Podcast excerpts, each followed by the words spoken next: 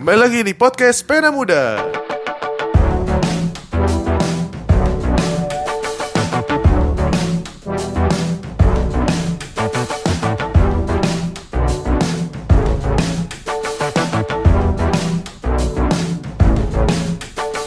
Systems of oppression fueled by Oke, eh, kembali lagi di podcast Pena Muda di episode berapa nih? Enam. Seharusnya 6 ya. Ya semoga tidak ada aral melintang supaya menjadi episode ke-6. Di sini aku bersama seorang yang sudah lama tidak bertemu. Wah, kapan terakhir bertemu nih? Yudianto Suharli. Aduh, halo Bung Franz. Shalom, apa kabar? Shalom. Shalom apa kabar? Shalom sehat. Shalom dibawa-bawa lagi, gue males gue. Lokal banget Sehat, puji Tuhan Puji sehat. Tuhan, sehat. Jadi eh, sekedar info Bang Yudi ini adalah oh ya aku belum perkenalan ya. Namaku Fransot Dameto Siringo Ringo. Siapa Oh, tahu iya. ada aku, yang aku siap- lupa, aku lupa. Oh, iya. Namamu Franz ya ternyata ya. siapa tahu ada yang baru dengarkan podcast Pena Muda ya. Makanya kalau saranku nggak usah dengar episode pertama-tama lah. Pertama, kedua, ketiga itu nggak usah didengar. Itu cek mic sebenarnya. Cek ombak gitu ya. Ya. Nah, jadi Bang Yudi ini alumni manajemen rekayasa industri ITB angkatan Iya. 2012. Jadi Betul. satu tahun di atasku dan eh apa ya? Dan ya kami juga sempat aktif di satu persekutuan yang sama dan ya banyak lah yang bisa aku pelajari dari dia. Ini orangnya sangat-sangat Franz ini memang jago menggombal emang. menjilat. Gila. Oke. Nah, lu sekarang lagi sibuk apa nih, Bang? Sekarang Sekarang banget ini ya. keseharian akhir-akhir lah. ini ya. Iya. Akhir-akhir ini ya sibuknya cuma kerja aja sih sebenarnya. Mhm. Pekerjaan yang lainnya kesibukan di luar pekerjaan sebenarnya nggak terlalu nggak banyak sih. Biasanya apa tuh kesibukan di luar pekerjaan? Ya biasanya kalau ini biasa sih cuma gereja doang sih palingan. Oh. Soalnya kebetulan pelayanan di sound system. Memang ini baru bidang pertama. Sebelumnya nggak nggak pernah pelayanan sound system. Jadi nggak ngerti apa-apa tentang audio. Jadi cuma- sound engineer ya. Ya bukan sound engineer juga sih ya, Ya. petugas sound lah kalau sound engineer kesannya hebat gitu Ini Tugas soundnya petugas cuma sound. cuma kerjanya on off mixer gitu. bisa ya itu sebenarnya ngisi baterai mic gitu ya itulah biasanya ya. Iya, iya, iya. tapi kan itu kan biasa kalau hari minggu orang mau latihan gitu kan sebelumnya Mhm. sabtu atau mungkin eh, hari-hari biasa gitu jadi ya mungkin kalau misalkan lagi nggak ada kerjaan biasa itu Hmm, oke oke oke. sambil ya ngisi waktu juga Ya, nemenin orang latihan begitulah Wah, ada kereta lewat nih. Ada kereta. Oh ya kita ini di pinggir kereta api ya ya? kita ini menantang maut sebenarnya. Iya, di kereta Argo Parayangan ya. Iya iya iya. Iya. Jadi Bang Yudi ini selama di kuliah di persekutuan itu dikenal sebagai pakar percintaan. Waduh. Asik. Enggak sebenarnya Lu di merasa- akhir-akhir doang. Iya. Setelah lulus. Lu merasa layak nggak? Waduh. Itu pertanyaan menghujam jantung. Sebenarnya tidak lah, tapi mungkin di sini ya ini disclaimer lah sekaligus ya ini cuma menceritakan pengalaman lah ya. Ini enggak enggak yang menggurui atau ya apalah hamba ini gitu ya. Cuma memang eh, ya karena memang udah ada pengalaman pengalaman walau cuma sekali pengalamannya gitu ya. Ya masa berkali-kali. Iya, betul, ya. betul betul. Nah, iya. Jadi ya mungkin Nah, ini itu juga sharing. pertanyaan nanti tuh. Oh, apa tuh? Emang boleh berkali-kali? Oh. Iya dong. Bisa, bisa. Waduh. Iya iya iya. Majelis Bus Indonesia masih Anda nontonnya ya. Oh, ada promosi di sini ya. Oke oke. Nah bicara sebenarnya itu juga sih yang mau mungkin jadi topik pembicaraan kita di siang hari yang nan indah ini. Oh iya. Siang hari nan Di sejuk. bawah pohon jambu gitu ya. di pinggir rel kereta api di bawah pohon jambu dihembus oleh angin Angin AC. angin freon. Angin freon. Jadi kita mau bicara tentang masalah apa ya bilangnya bilang cinta juga kayaknya nggak tercinta tuh terlalu apa ya? Terlalu terlalu luas terlalu terlalu rendah juga oh terlalu rendah terlalu rendah Biasa kan kalau orang Kristen kasih. kasih kalau di Inggrisin love, yang artinya cinta Iya. yang mana adalah sama ya mungkin ya. Hmm. cuma mungkin pe- penyebutannya aja dan budaya orang Nah, ya menggunakan itu cinta betul buaya. Eh buaya, budaya. Gue jadi buaya. Ya, karena kita terpengaruh sinetron gitu ya cinta Iya. cinta Fitri gitu. Ya, enggak enggak ada kasih fitri kan. Iya betul Kasih Fitri tidak ada Iya. Iya. Nah, jadi itu tuh apa? Iya. Malah jadi kayaknya ada dikotomi ya. Jadi ya betul bukan dikotomi sih. Eh iya dikotomi ya. Mm-mm, bisa jadi Mungkin ya jadinya eh eh bukan dikotomi jadi pembiasan makna bukan juga ya bukan juga. bukan juga Jadi perbedaan ya mungkin sekitar sekedar perbedaan budaya aja tapi malah jadi kelihatan banget ya antara kasih dan cinta itu kasih itu jarang dipakai oleh orang-orang ya. betul Karena eh, apa? karena karena tidak ada kasih Fitri Naon, naon. mengulang-ulang saja ya mungkin memang budaya sih ya Budaya. jadi ya itu sebenarnya ya kalau menurutku sih artinya sama Hmm. soalnya kalau cinta itu mungkin lebih ke eh, ya karena itu memang karena ya karena budaya jadi kita me, menganalogi bukan analogi me, meng- menghubungkannya kepada lawan jenis dan kalau kasih ya kan kasih ibu kepada beta gitu kan Hmm, jadi iya, iya, iya. eh, mungkin lebih Bukan cinta lebih- ibu kepada beta.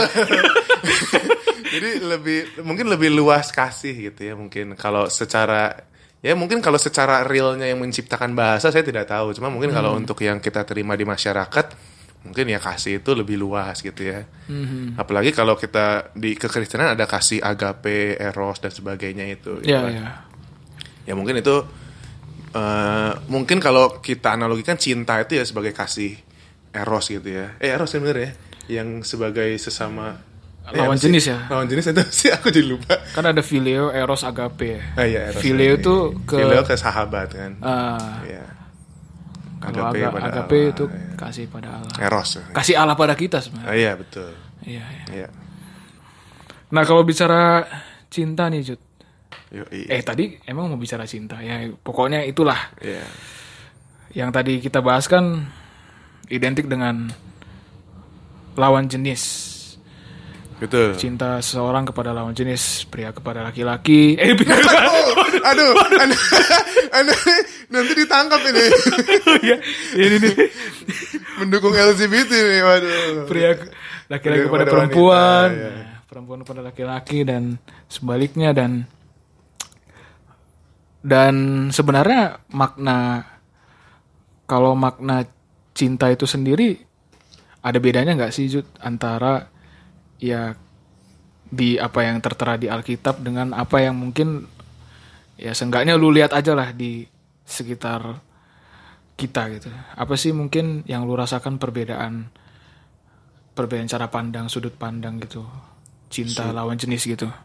Oke, yang istilahnya yang ada tertera di Alkitab gitu ya dengan yang manusia lakukan gitu ya atau ya begitu Hmm, maksudnya ya. Iya, iya. Sebenarnya kalau di Alkitab yang mungkin lebih kita lihat adalah kasih Allah kepada manusia karena itu ya kalau boleh di Alkitab dielaborasikan menjadi satu kata yaitu kasih gitu ya. Intinya men- menceritakan kasih Allah kepada manusia gitu. Ya kalau misalkan di di ininya kan lah. Nah, Eh, jadi kalau kita yang seperti kita baca juga Alkitab itu mengajarkan bahwa Allah itu mengasihi manusia tanpa syarat gitu. Ya kita tahu bahwa Tuhan Yesus sudah rela mati bagi kita. Dan itu karena apa? Ya karena kasihnya. Ya kalau mau mau di lebih di apa dramatisirnya karena cintanya pada kita gitu ya. Kalau lebih dramatisir. Nah jadi ya kalau bisa dikatakan eh, cinta yang Tuhan ajarkan atau yang Alkitab ajarkan adalah cinta yang sebenarnya murni gitulah murni dan yang em, apa ya murni dan dan tanpa celah gitu tanpa syarat.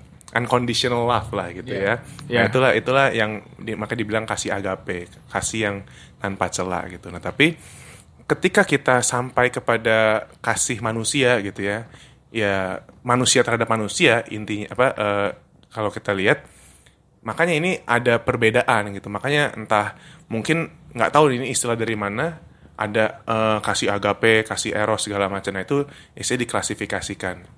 Diklasifikasikan karena eh, kasih ya kalau kita sebut kasih antar sesama manusia yaitu kasih filio kasih eh, eros dan sebagainya itu itu ya bisa dikatakan tidak murni gitu ya. Tidak murni kenapa? Karena sudah tercemar oleh dosa gitu. Hmm, tercemar oleh dosa sehingga kita eh, ya mengasihi itu ada syaratnya gitu. Mengasihi itu ada ada conditionnya gitu. Ya kayak contoh aja kayak eh, walaupun kasih ibu kepada beta tak terhingga sepanjang masa tapi pasti ada ada syaratnya bukan ada syaratnya maksudnya ada alasan di balik itu gitu. Tidak seperti kasih Tuhan kepada kita.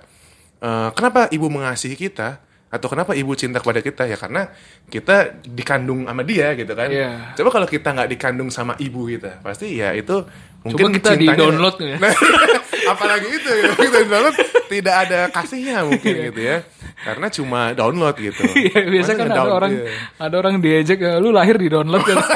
itu lucuan-lucuan ini ya aduh. ya Iya. ya seperti itu contohnya gitu ya pasti bukan pasti mungkin ada ada syaratnya juga gitu. Ibu mengasihi kita sebenarnya bukan syarat ada conditionnya gitu. Karena eh, dia melahirkan kita. Iya, iya, betul betul. Nah, aku eh, mengasihi siapa? Misalkan cewek gitu ya. Karena mungkin ada ya pasti ada ada alasannya gitu. Karena mungkin dia juga mengasihiku jadi aku juga mengasihi dia. Itu juga alasan gitu kan. Atau mungkin karena kalau yang lebih duniawinya lagi Waduh. eh, waduh. Karena kita Kita masih di dunia, Bung. Oh, ya, kita masih di dunia betul. Jadi mungkin kalau yang itu lebih ininya lagi kita karena dia cantik misalkan seperti itu gitu kan.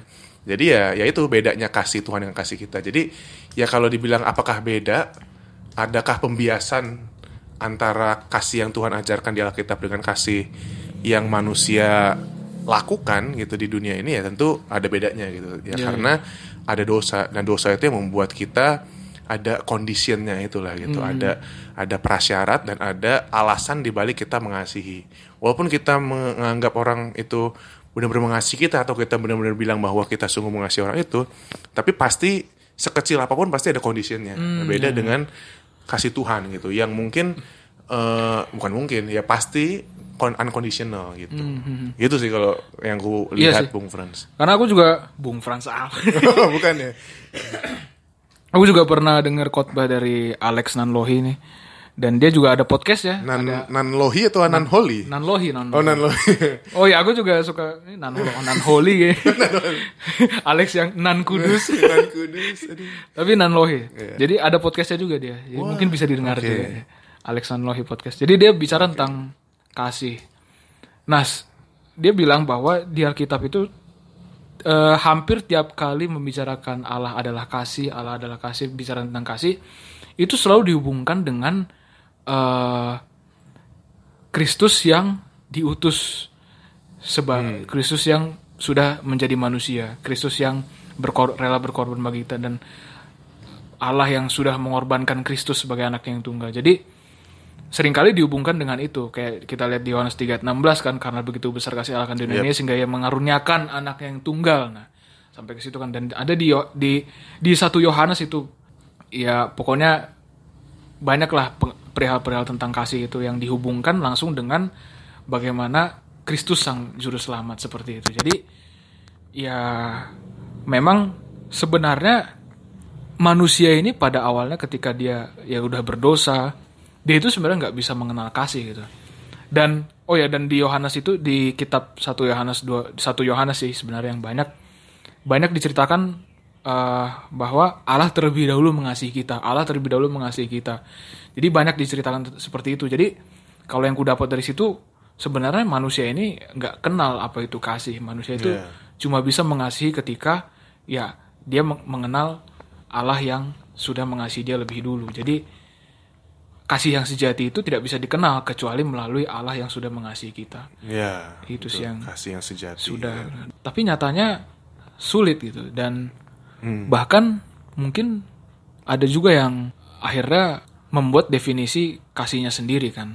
ya Jadi cuma berdasarkan ketertarikan fisik, cuma berdasarkan berdasarkan apa kesamaan hobi mungkin sebenar berarti kita tuh manusia kan apakah kita harus mengejar kepada kasih yang tidak bersyarat itu Kalau bisa dibilang ya kalau jawabannya iya atau tidak itu jawabannya iya sebenarnya. Kalau mengejar iya gitu ya.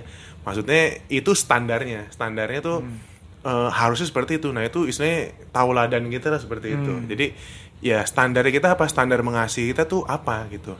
Nah, standar mengasihi itu adalah mengasihi eh sebagaimana Tuhan mengasihi manusia. Itu standarnya gitu. Jadi eh eh ini seakan-akan mengguru ya? Enggak ya? Ini Enggak, enggak. ini ini ya? Ini ini ya, ini, ini, ya. ini pena muda. Pena muda. kita tidak ada ya kayak Sintua aja kan pena tua kan pena tua kan nggak ada sekolah teologi kan. Oh iya betul, betul apalagi betul. pena muda. Baru lulus kuliah bahkan ya? Iya. Iya, tentu itu standar kita gitu kan. Standar kita adalah eh ya saya sama dengan kita kekudusan gitu ya. Kita harus mengejar kekudusan. Hmm. tapi apakah kita bisa kudus tanpa celah selama lamanya tanpa dosa ya itu pasti akan sangat sulit. Ya, ya. bahkan kita bisa bilang mustahil. Ya sama dengan kita mengasihi Allah eh kita mengasihi manusia gitu. Hmm, apakah kita bisa mengasihi eh, manusia sesama manusia seperti Allah mengasihi kita ya jawabannya sangat sulit ya mungkin hampir tidak mungkin Heeh, kalau aku jawab bisa ya itu sangat sombong gitu ya kan. Hmm. Jadi ya ya itulah itu kita harus mengejar standarnya itu. Ah. Yang mana kita eh, ya bisa dikatakan tidak mungkin. Iya. Nah, kenapa ketidakmungkinan itu menjadi standar ya? Itulah justru kalau bagiku pribadi itulah masa di mana justru kita eh ya saya di- dikasih tahu sama Tuhan eh ini standar kamu nih loh dan nggak akan pernah bisa memenuhi standar jadi jangan pernah sombong gitu. Jadi jangan pernah menganggap kasih kamu itu hebat gitu. Ya aku kasihku jauh lebih besar daripada kamu gitu. Baikku sih gitu. Jadi ya seba, se sehebat apa pun kita mengasihi orang atau kita eh, sedramatisir apa kita misalkan ya kita berbicara kepada calon teman hidup kita atau mungkin teman hidup kita, wah aku mencintaimu dengan segenap hatimu. Nah itu itu misalnya bisa dikatakan bullshit gitu. Kalau Tuhan kalau Tuhan bilang kalau Tuhan ngelihat gitu ya kita analogikan Tuhan ngelihat, eh ngelihat kita ngomong wah aku mengasihi engkau gitu ya. Ngas- ngomong ke pasangannya wah Tuhan mungkin bisa ngomong ah gombal lo gitu. Karena memang ya pasti Tuhan bilang ya kasih kasih gua ke lu jauh lebih besar gitu. Hmm, iya, iya, ya kalau buat gua sih seperti itu. Oh, oke oke. Ini menarik sih, di mana kita itu sering kali sebagai orang Kristen kita malah mengejar sesuatu yang tidak mungkin ya. ya Kita mengejar kekudusan itu hampir tidak mungkin. Tapi ya Tuhan suruh kita mengejar ya. iya Salib yang harus dipikul. betul Gitu ya. Iya. Berarti oh iya mau menambahkan Oh, iya. justru di dalam kan mengejar gitu ya nah di dalam pengejaran itu pasti jatuh bangun nah itulah justru kenapa Tuhan lebih mementingkan sebenarnya kalau bagiku mementingkan proses gitu ya jadi di dalam proses pengejaran itu yang bahkan ada jatuh bangunnya itu itu Ini- ini- kita ini dibentuk gitu pengejaran kepada kasih yang sempurna ya. Itu- Bukan pengejaran akan si oh iya, iya tentu tentu akan si akan si Ya, individu yang kita betul, incarin ya. iya, pengejaran akan tentu. pengejaran akan unconditional love ini. Eh, karena itu yang harus dikejar terlebih dahulu sebelum mengejar si eta, eta. sebenarnya begitu Iya. jadi milikilah kasih Tuhan dulu yang di mana di dalam eh, pengejarannya itu pasti akan sangat sulit gitu yang jatuh bangun dan justru itu Tuhan mau gitu. Karena itu eh, prosesnya gitu. Karena prosesnya itulah yang justru membentuk kita menjadi manusia semakin dewasa. Nah, ketika kita sudah dewasa atau di dalam proses pendewasaan itulah justru kita Istilahnya di suatu saat mungkin Tuhan bilang oh kamu sudah siap. Gitu. jadilah Tuhan mempertemukan. Ya mungkin seperti itu. Oh ya. gitu. Nah ini kita sudah menjurus kepada satu satu nama? Oh bukan. Satu nama mungkin Satu- Franz bisa ini mungkin. Waduh, jangan dibahas di sini cerita. dong. oh ya jangan jangan jangan Nanti banyak yang di-cut. oh kirain nanti banyak yang mau enggak ya? oh, aduh enggak enggak enggak Aduh, jangan gitu. Nah, kita udah menjurus kepada satu pergumulan yaitu mengejar seseorang. waduh Dan iya, bukan iya. mengejar seseorang, tapi mengejar kasih itu kan. Nah, Iya. sebenarnya kan kita bicaranya ya tadi berbagi pengalaman lah ya, bukan menggurui, tapi Betul. si Bang Yudi ini mau berbagi pengalaman. Nah, sebenarnya apa sih yang bisa lu bagikan Jud dalam hal eh ya dalam hal proses dalam mengejar kasih ini mungkin dan mungkin ya lu punya apa satu ada prinsip di mana ada apa aja sih dalam satu hubungan yang harus dipersiapkan itu apa-apa aja gitu. Mungkin lu bisa menceritakan Iya, sebenarnya ini menjadi masalah, bukan masalah sih sebenarnya, pergumulan klasik gitu ya. Hmm. Ya karena ya aku pun pernah mengalaminya gitu. Dan pasti rasanya berjuta rasanya gitu. Jatuh cinta berjuta rasanya. Oh iya. Iya. Kalau efek rumah kaca lagunya jatuh cinta itu biasa saja. Oh biasa saja, oh kontradiksi ya. Iya. Oh iya, terserah kita aliran yang mana Oh, terserah. iya, gitu. aku indie. Ini, oke.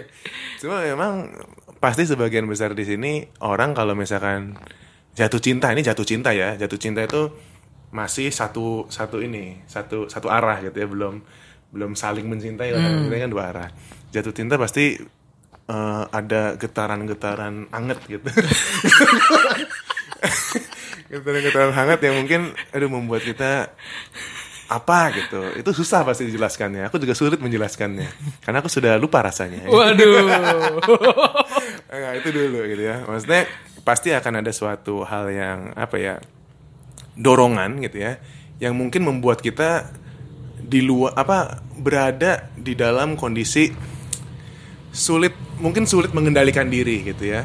Nah ini justru di sinilah eh, hal yang bahaya gitu.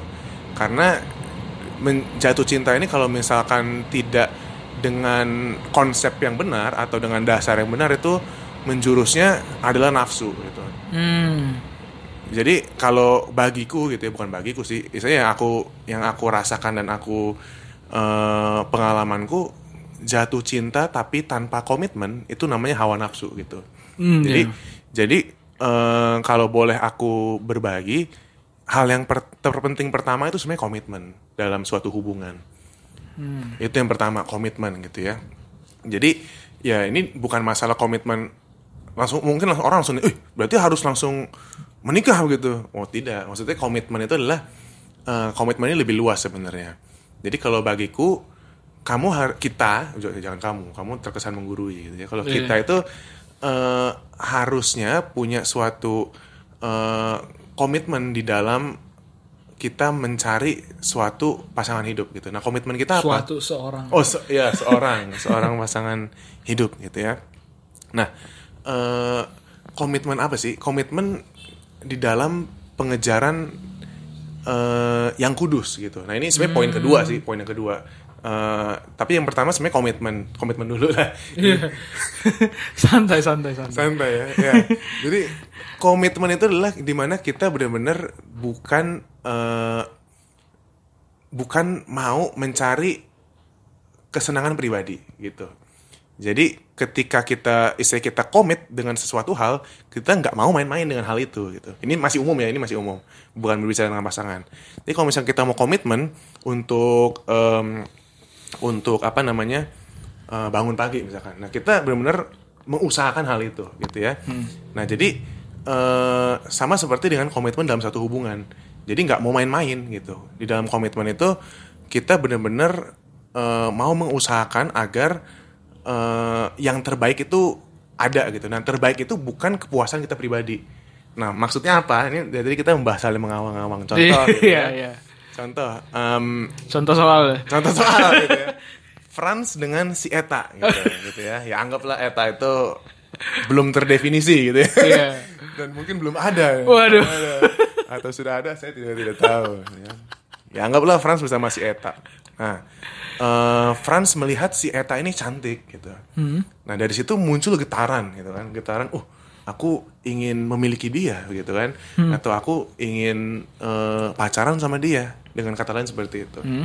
Nah, eh itu kan isinya hanya karena pandangan gitu ya. Karena karena pandangan, karena cantik, karena oh mungkin dia baik kelihatannya gitu. Nah, akhirnya Franz itu mau gitu ya bersama apa mau untuk bersama-sama dengan dia. Padahal itu tuh dasarnya sangat tidak tidak kuat gitu. Hanya pada suatu eh, fisik gitu. Ini bukannya nggak boleh fisik itu. Oh ini ini bahasan selanjutnya, tapi eh, ini nyambung gitu ya. Fisik itu bukannya tidak boleh atau mungkin karakter baik itu itu juga bukan bukan menjadi kalau menurutku bukan hal yang utama. Tapi yang yang benar adalah kita komitmen terhadap eh, tujuan dari hubungan itu gitu. Jadi ya kalau Franz mau untuk eh, memacari, memacari bahasanya atau eh, mau berhubungan dengan orang itu, dia harus mau komitmen gitu. Komitmen dalam arti dia tidak tidak mau main-main dalam berpacaran gitu. Tidak mau mengambil enaknya saja. Gitu kayak misalkan, oh aku mau pacaran karena ingin ada teman ke mana-mana atau karena karena aku eh, kesepian nih biasa ada orang-orang kalau ngeliat ada yang nelpon gitu atau ngelihat teman-temannya teman-teman Franz mungkin gitu ya sudah mayoritas sudah berpacaran Waduh. Enggak, Iya. ini misalkan gitu Misalkan. ya. tapi kalau Kenyataannya? kalau kenyataan aduh, nggak tahu ya. Sama-sama semua. gitu. Misalkan udah berpacaran, jadi eh, Franz jadi iri hati. Jadi dia merasa, oh kalau gitu aku harus harus cepat punya pacar. Nah itu kan, itu itu bukan komitmen landasannya. Landasannya itu adalah eh, karena ke apa ya? Karena kebutuhan Franz yang ingin terpenuhi gitu. Kebutuhan kebutuhan akan sesuatu yang kosong gitu ya, itu perlu dipenuhi. Nah itu bukan komitmen. Komitmen adalah kita eh istilahnya komitmen itu kita sudah beres gitu ya. Kita sudah eh, mau mengejar sesuatu. Nah itu apa? Nah ini selanjutnya. Yang kedua, selain ada komitmen itu harus ada tujuan. Nah tujuan tujuan dari eh, berpacaran atau menjalin suatu hubungan. Nah ketika tidak ada suatu tujuan ya kita pacaran ya ya udah akhirnya main-main gitu. Nah, tapi ketika kita sudah eh, udah punya tujuan, nah tujuannya itu apa? Tujuannya pasti kita mau ya ke jenjang pernikahan. Tapi se- memang sebelum itu itu masih mungkin terlalu jauh. Cuma mungkin tujuan yang paling mendekatnya adalah ya pasti harusnya tentu harus saling mengenal terlebih dahulu. Iya. Saling mengenal, saling eh, apa namanya? Saling mengetahui kelemahan kelebihan masing-masing. Bukan cuma mau enaknya aja gitu. Jadi harus mengenal karena cinta tanpa pengenalan itu cinta yang buta. Waduh, cinta tanpa pengenalan itu cinta yang buta. Iya, cinta Di highlight. Di highlight, oke. Jadi cinta pengenal tanpa pengenalan itu sama aja istilahnya membeli kucing dalam karung gitu. Jadi eh, kita ya udah kalau misalkan dia ujung-ujungnya bagus, eh ujung-ujungnya bagus, ujung-ujungnya cocok ya udah jalanin aja. Cuma kalau ujung-ujungnya enggak ya udah gitu. Cuma ini yang ini yang ini yang menurutku eh, orang-orang tuh apa ya bukan orang-orang sih ya mayoritas itu masih seperti ini konsepnya karena eh, justru di dalam berhubungan itu gitu ya itu harus ada pengenalan itu pengenalan yang eh, nggak cuma mau enaknya aja cuma tahu kelebihannya apa tahu kekurangannya. Nah itulah yang justru membentuk kita di dalam di dalam eh, kita berhubungan. Pasti ada nggak enaknya pasti ada eh, oh ternyata dia orangnya pemarah gitu misalkan. Atau oh dia orangnya eh apa contohnya ya yang yang yang umum itu eh, dia nggak perhatian gitu. Nah mungkin seperti itu. Nah itu justru eh, kalau misalkan fondasinya tidak kuat kalau komitmen tidak kuat dan tujuannya itu tidak kuat yang tadi itu ya udah langsung putus gitu. Bukan berarti nggak boleh putus ini ya. Ini ini bukan menentang putus itu adalah dosa bukan. Cuma eh, kalau misalkan memang fondasinya tidak kuat karena komitmen dan tujuan itu tidak ada gitu ya ya udah akhirnya putus. Kenapa? Karena ya kesenangannya itu sudah lewat gitu. Karena mereka begitu melihat yang pahitnya akhirnya ya udah gitu. Tidak mau tidak mau lanjut tapi ketika ada komitmen dan ada tujuan si orang ini tuh melihat hambatan atau melihat suatu kekurangan itu sebagai suatu hal yang harus dibenahi bersama-sama. Gitu. Jadi eh, oh ya aku kurang hal dalam hal ini nih. Tapi dia ternyata bisa bantu. Dan dia kurang dalam hal ini kita bisa bantu. Dan itulah sama-sama kita dibentuk dan sama-sama belajar gitu. Iya, iya. nah makanya ini yang menurutku kalau misalkan tanpa komitmen dan tanpa suatu tujuan itu ya putus nyambung itu menjadi hal yang lumrah gitu. Hmm. gitu. Jadi ke- tapi ketika kita udah punya suatu tujuan dan suatu komitmen orang itu nggak akan gampang mengucapkan itu. Tapi sekali lagi bukan berarti itu adalah suatu hal yang salah. Cuma eh, itu justru akan menjadi suatu tantangan suatu eh, jalan yang disediakan oleh Tuhan itu untuk membuat suatu pasangan itu bertumbuh. Begitu sih. Kuncinya adalah sebenarnya kita harus sama-sama bertumbuh. Itu sebenarnya tujuan tujuan utama dari suatu hubungan gitu. Nah tapi mungkin memang Tuhan inginnya melalui relasi eh, berpacaran gitu. Seperti itu sih kalau menurutku Franz. Hmm, ya ya. Ya yang menarik itu sebenarnya kalau dari yang paparan Bang Yudi tadi mengenai kejelasan tujuan sih. Tujuannya untuk menikah itu bukan sesuatu yang terlalu jauh mungkin. Bahkan itu seharusnya kan menjadi tujuan akhir kan. Dan itu yang sudah harus sudah harus ada dalam pikiran kita sebelum kita melangkah ke tahap yang selanjutnya sih menurutku. Iya. Karena itu tujuan akhir lah, apa ya? Tujuan akhir seseorang dalam apa mencari teman hidup ya akhirnya berkeluarga kan. Iya. Namanya juga teman hidup. Nah, kesakralan pernikahan itulah yang seharusnya dipahami dari awal Iya. supaya nantinya malah nggak coba-coba nggak ya nggak pilih kucing dalam karung lah sehingga tidak ada sehingga tidak ada dasar yang kuat karena ya namanya pernikahan kan nggak cuma lihat-lihatan tiap hari kan Iya, betul. kalau tertarik Lihat-lihatan tiap hari bosen juga ya. Bosen. Kalau tertariknya cuma fisik kan ya berarti cuma enak dilihat kan Betul. ya, lihat-lihatan tiap hari ya itu bukan suatu keluarga namanya Iya. namanya keluarga kan ada proses bertumbuh bersama-sama ada proses saling bertukar pikiran Betul. atau saling berdialektika gitu. nanti juga akhir-akhirnya kepada mendidik anak kan Iya. dalam hal pemuridan dalam keluarga wah itu sangat banyak lah yang harus dipersiapkan tapi bukan berarti ya itu waduh sa- susah banget nih malah jadi males ya tergantung sih anda punya dasar apa dasar berdiri di mana sih kalau menurutku ya kalau itu hal yang penting dan itu yang harus dipersiapkan sih Oh iya, Frans. Tadi aku mau sedikit eh, menambahkan mungkin ya. Tadi eh, sebenarnya kalau istilahnya tadi Frans bilang sempat menyebut bahwa pernikahan adalah tujuan akhir gitu ya. Nah, eh, sebenarnya iya. Pernikahan itu adalah tujuan akhir dari pacaran. hmm, ya, Tapi pernikahan bukan tujuan akhir dari suatu hubungan. Gitu. ya ya betul betul Karena eh, pernikahan itu adalah justru momen awal sebenarnya di dalam suatu hubungan yang kalau bisa dibilang eh, seumur hidup gitu, nggak kekal karena pernikahan pasti ada ujungnya yaitu kematian gitu ya. Cuma eh, pernikahan itu adalah titik momen awal di mana kita diikat dan istilahnya kita sudah diberkati oleh Tuhan eh, untuk eh, melangsungkan sebuah hubungan rumah tangga gitu. Betul, Tapi itu adalah suatu awal sesungguhnya gitu ya. Kenapa kenapa suatu awal? Karena justru kalau ini aku sebenarnya belum mengalami gitu ya, belum mengalami pernikahan. Cuma yang aku lihat gitu ya, sekitar aku lihat dari orang tua juga dan aku dari baca-baca juga, justru eh, hal-hal yang kita alami di masa pacaran itu sebenarnya itu ya akan sangat sulit kita temui di masa-masa kita sudah menikah gitu. Dan arti seperti ini. Kayak misalkan, aduh, kita melihat eh, wajah pasangan kita begitu cantik gitu ya. Dan uh eh, dia eh, badannya maaf kata bagus gitu ya.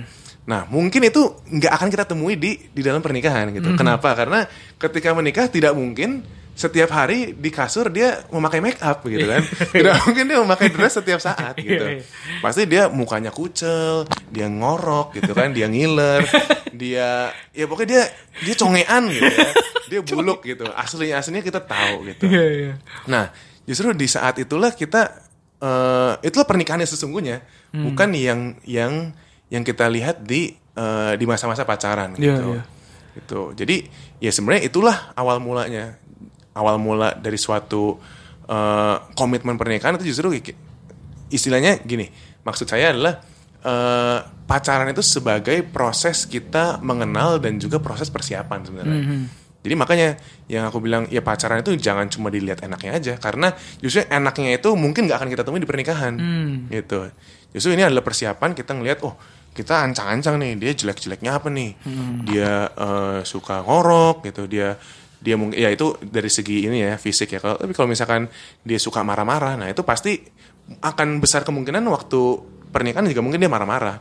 Dan tapi kalau kita udah komit dengan eh, orang itu gitu ya tentu kita ya sampai mau memisahkan kita tidak boleh bisa Betul, dan justru itu yang menjadi bahan kita untuk bertumbuh gitu. Di mana eh, di dalam proses kita eh, bukan proses apa ya di dalam perjalanan pernikahan kita ya itu yang harusnya itu menjadi proses bagi kita untuk bertumbuh. Begitu sih Frans. Iya.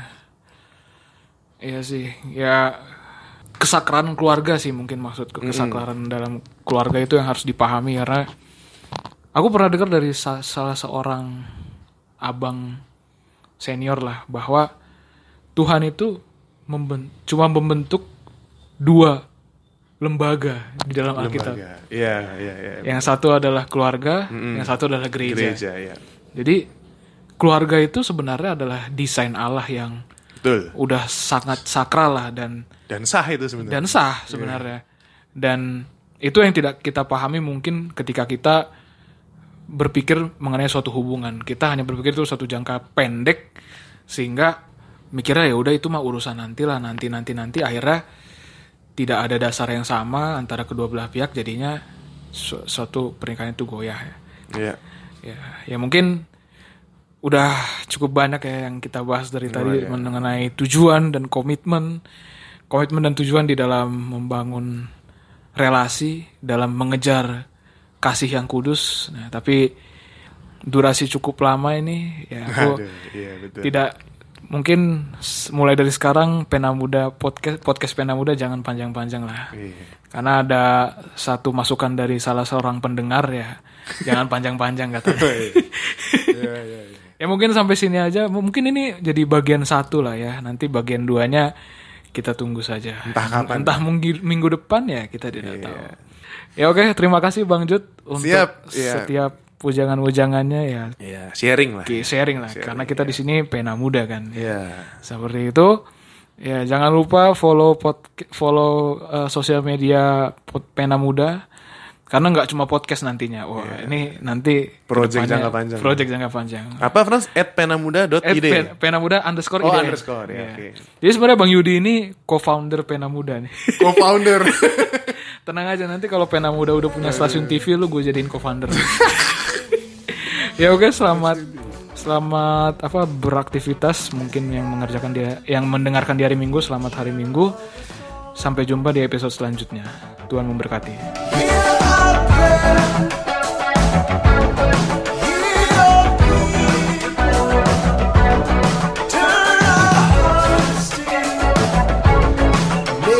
Whole.